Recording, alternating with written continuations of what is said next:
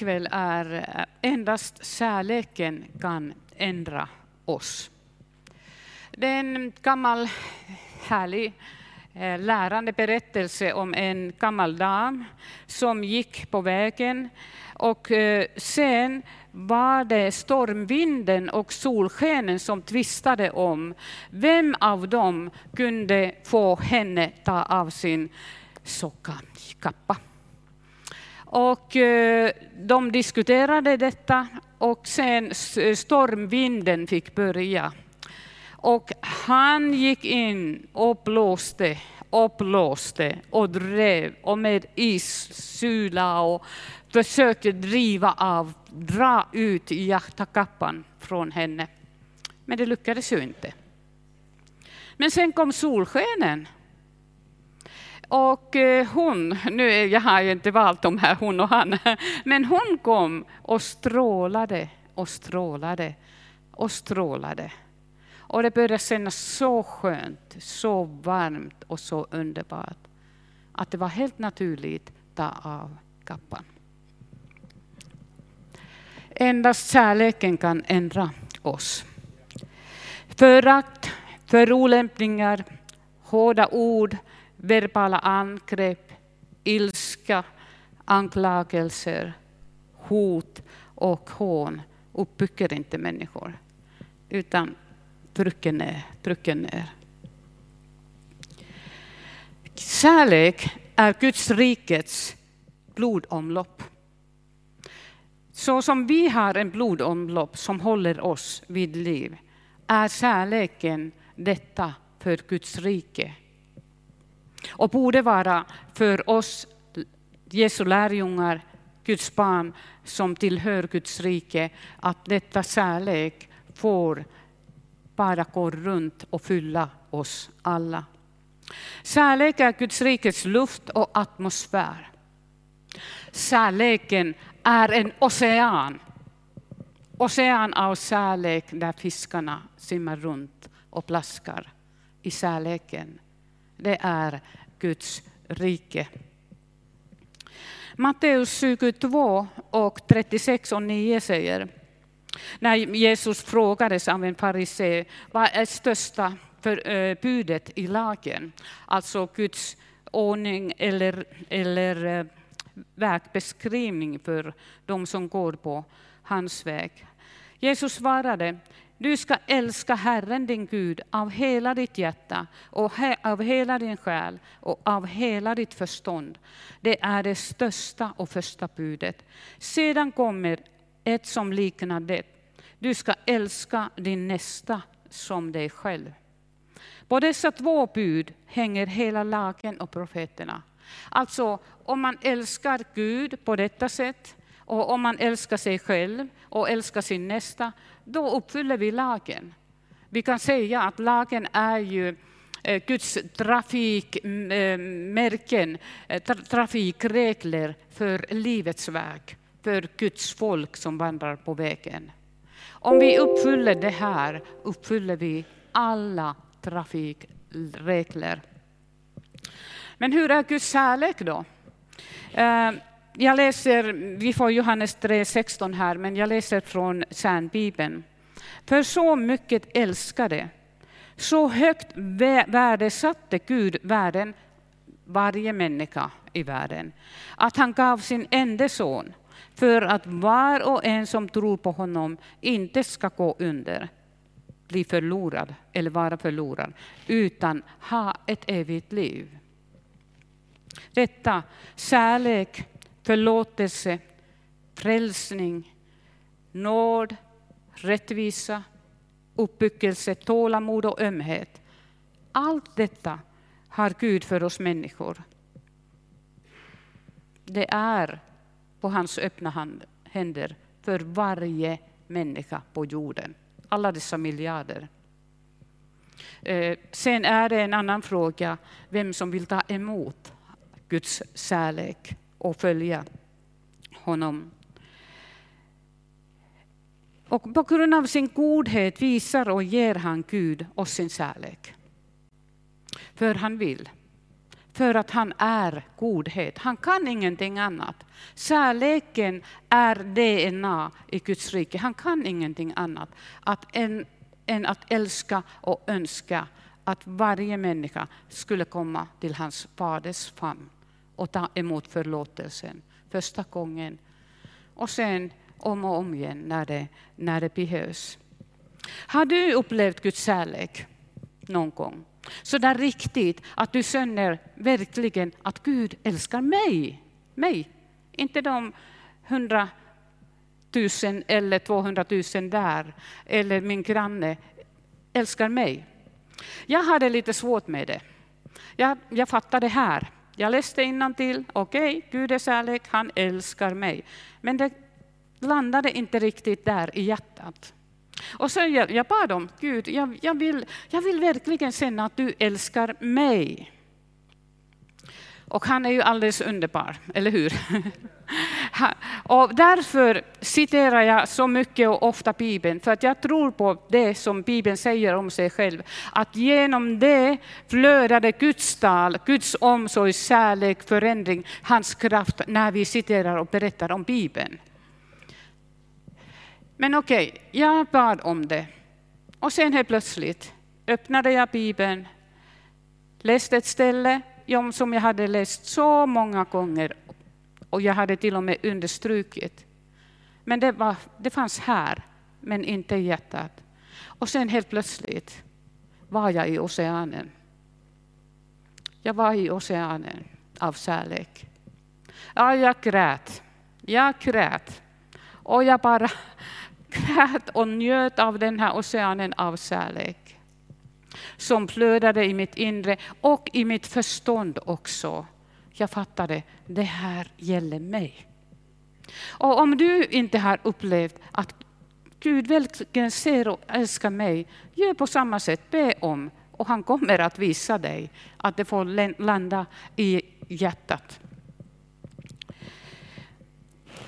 Vi ska läsa eh, Lukas eh, 15, 1 och 7.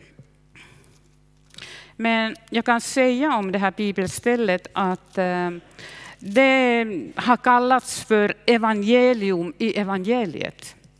Det berättar om Guds kärlek för människor som ångrar sina synder och vill omvända sig till, till Gud. Och det berättar om hans kärlek för dem som fortfarande har ryggen vänd mot Gud. Jag vill inte veta något om dig. Jag bryr mig inte. Jag fixar ju det här själv. Han älskar med samma kärlek.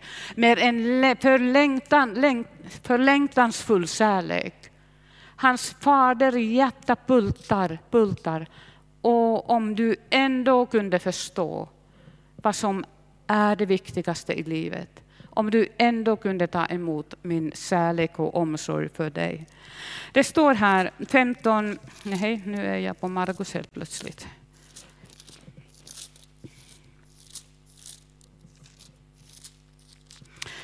Alla tullindrivare och syndare höll sig nära Jesus för att höra honom. Vilka var de här synd, synd, syndare då? Tullindrivare, de var föraktade. Man spottade på dem, man knuffade dem på när de kom i vägen. För att de var judar som hjälpte eh, eh, romarna, de som hade ockuperat landet. De var så föraktade. Men det var de, prostituerade, suvar, mödrade, roffare, seloter, de som inte levde ut Guds lag. Och sen fanns det ju andra människor också.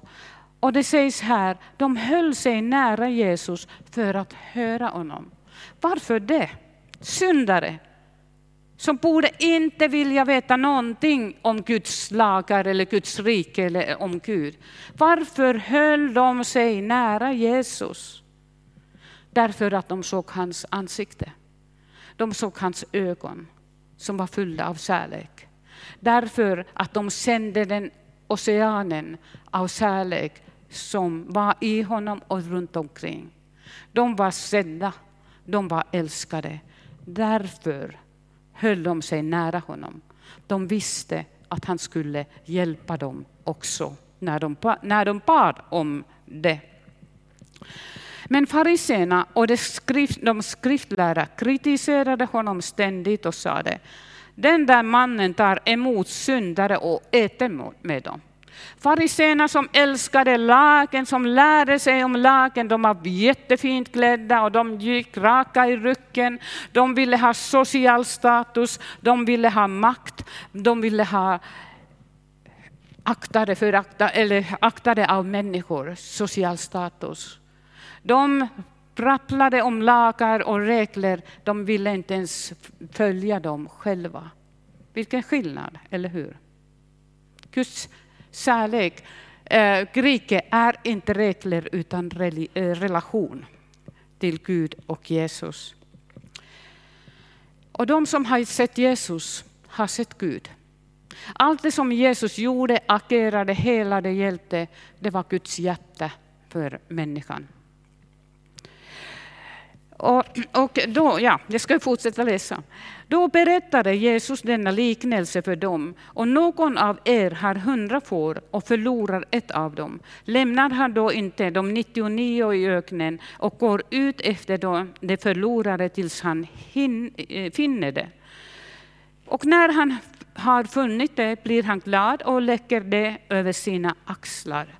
När han sedan kommer hem samlar han sina vänner och grannar och säger till dem, gläd er med, med mig, jag fann mitt förlorade får, jag säger er, på samma sätt blir det större glädje i himlen över en enda syndare som omvänder sig än över 99 rättfärdiga som inte behöver någon omvändelse.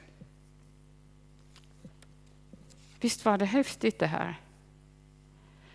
Vi är de 99 som är i trygghet. Vi är, har Guds omsorg och kärlek. Vi har allt vad vi behöver för andligt och fysiskt liv. Det har han lovat. Men där ute på stan, om jag nu bara landar i det närmaste, där ute på stan finns den en. En av hundra, en av hundra finns det där. Som änglarna bara väntar på att de får börja dansa och glädjas. Wow, nu, de hittade, Eskilstuna pingst, de hittade en som behövde få frälsning. Nu har han kommit till Jesus och fått sina synder förlåtna. Och nu kommer han eller hon komma till himmelsrike. Vi som är och tillhör Guds rike, ska ha detta kärlek i oss och längtan att gå och hämta den förlorare och de förlorade till Gud och Jesus Kristus och i trygghet. Och vad gjorde den här goda heden då som hämtade? Han la lammet på axlarna. Nu tror jag inte att Jesus vill att vi ska gå ut och bära in folk. Mina muskler skulle inte räcka. De får komma själv eller gå bredvid. Men ha, tänk vilken omsorg i det också, Jesus. Eh, den här bilden, heden lade lammet. Den som har varit långt borta, sargad, eh, hade kanske gjort sig illa och var tyngd. Den lammet la han på sina axlar. Så vill Jesus behandla genom oss, genom den helige Ande, människor i Eskilstuna. Eller hur? Och det gäller varenda en i människa i staden, älskad av Gud och Jesus och utöver hela världen. Men älska dig själv. Älska din nästa. Du kanske säger att jag kan inte älska mig själv.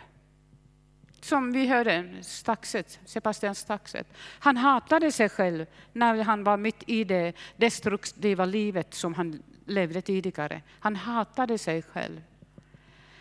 Jag hatar mig själv, eller jag är misslyckad. Jag är totalt misslyckad. Ingen ser eller bryr sig om mig. De andra är lyckade, men jag är inte det. Vi, går säkert, vi alla går säkert på något sätt de här anklagelserna mot oss själva, om oss själva. Men, och det här med att älska, och, ja, avundsjuka, bitterhet, hårda ord och om andra, baktaleri, är de negativa följderna av det när man inte kan älska sig själv. Givetvis finns ett vårdiken i det här. Att älska sig själv så som Gud, att vi älskar som vi är underbara, härliga, skapade av Gud. Precis så som du är. Att kunna säga att jag är alldeles underbar. Att du säger till dig, jag är alldeles underbar. Gud har skapat mig precis så som jag är. Det finns ingen någon annan som är jag. Och börja bara säga, wow, jag är rätt så bra. Yes, det här kan jag och det här kan jag. Och det och det också. Och här går jag och duger bland de andra. Men det finns ju två diken som jag sa, att älska sig själv så som Gud vill att vi, vill, vill att vi älskar. Men inte älska bara sig själv och strunta i andra. Inte det diket och inte det diket att eh, vi inte kan älska varandra. Utan ja, vi behöver hjälp igen. Att Jesus hjälper oss. Så som Johannes. Ni vet ju att han kallade sig eh, den lärjungen som Jesus älskade. Jaha, Jaså, var det bara Johannes som han älskade då?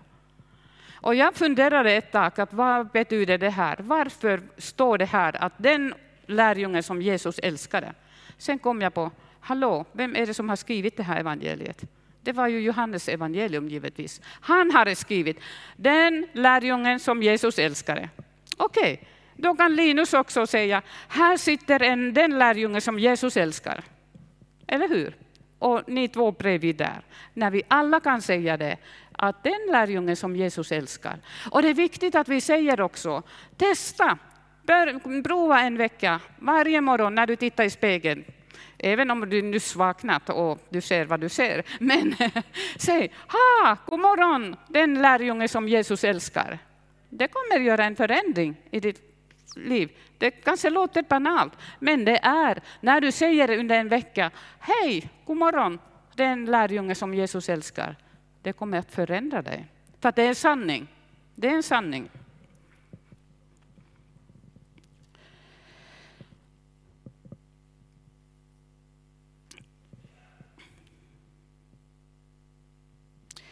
Och vem är min nästa? Matteus 5.43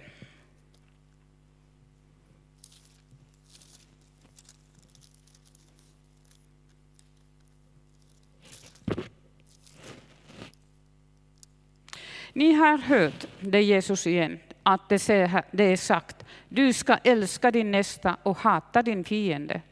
Jag säger er, älska era fiender och be för dem som förföljer er. Då är ni er himmelske fars barn, för han låter sin sol gå upp över onda och goda och låter det regna över rättfärdiga och orättfärdiga.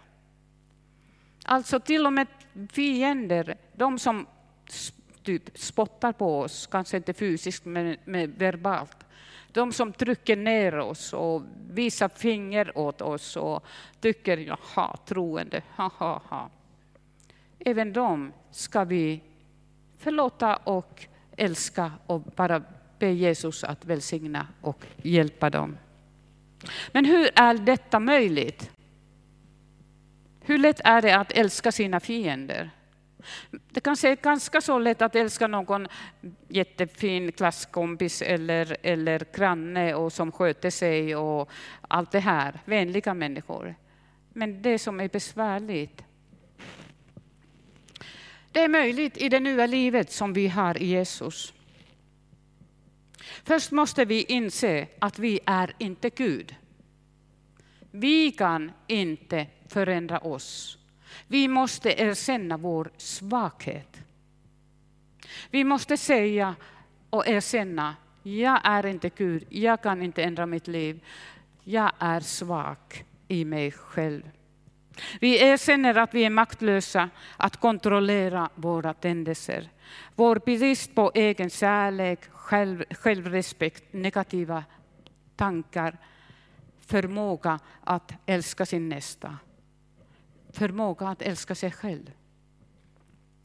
Romarbrevet 7 och 18 säger någonting helt underbart. Lyssna nog riktigt noga, för att här är det någonting så befriande gentemot det som jag sade nyss.